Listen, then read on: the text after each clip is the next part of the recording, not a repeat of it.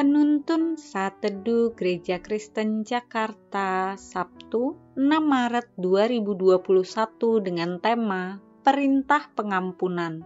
Firman Tuhan terambil dari 2 Korintus 2 ayat 5 sampai 11 berkata demikian. Tetapi jika ada orang yang menyebabkan kesedihan, maka bukan hatiku yang disedihkannya, melainkan hati kamu sekalian atau sekurang-kurangnya supaya jangan aku melebih-lebihkan hati beberapa orang di antara kamu. Bagi orang yang demikian, sudahlah cukup teguran dari sebagian besar kamu, sehingga kamu sebaliknya harus mengampuni dan menghibur dia, supaya ia jangan binasa oleh kesedihan yang terlampau berat. Sebab itu, aku menasihatkan kamu supaya kamu sungguh-sungguh mengasihi Dia, sebab justru itulah maksudnya aku menulis surat kepada kamu, yaitu untuk menguji kamu apakah kamu taat dalam segala sesuatu. Sebab barang siapa yang kamu ampuni kesalahannya, aku mengampuninya juga.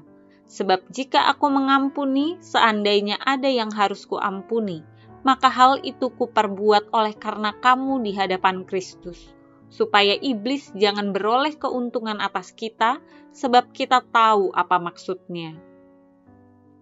Istilah pengampunan adalah sesuatu yang umum kita dengar. Dalam dunia ekonomi, pengampunan sering kali kita dengar. Beberapa tahun lalu, pemerintah Indonesia mengeluarkan kebijakan yang disebut tax amnesty. Tax amnesty adalah pengampunan sekaligus penghapusan pajak yang seharusnya terutang. Tidak dikenai sanksi apa pun dengan syarat melaporkan harta dan membayar tebusan. Ini sesuatu yang wajib dan harus. Di dalam Kristus, pengampunan adalah sebuah keharusan. Di jemaat Korintus ada orang-orang yang menyebabkan kesedihan karena perbuatan mereka. Perbuatan mereka telah merugikan dan menyusahkan banyak orang Sebenarnya, mereka sudah mendapat hukuman moral melalui saudara-saudara mereka. Kemungkinan mereka dikucilkan atau mendapat disiplin gerejawi. Namun kemudian Paulus berkata bahwa mereka wajib untuk mengampuni supaya mereka jangan binasa oleh kesedihan yang terlampau berat. Ini adalah perintah yang jelas. Orang-orang seperti ini perlu dikasihani dan harus diampuni.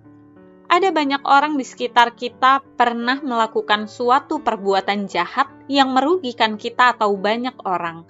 Mereka sesungguhnya mungkin sudah mendapatkan hukuman moral dari gereja atau banyak orang. Sebagian dari mereka merasa terpukul, hidup dalam penyesalan, dan tidak bisa bangkit. Perintah Tuhan sangat jelas: mengasihi dan mengampuni mereka mari kita melakukan dan menghidupi firman Tuhan ini dalam komunitas maupun juga dalam keluarga kita.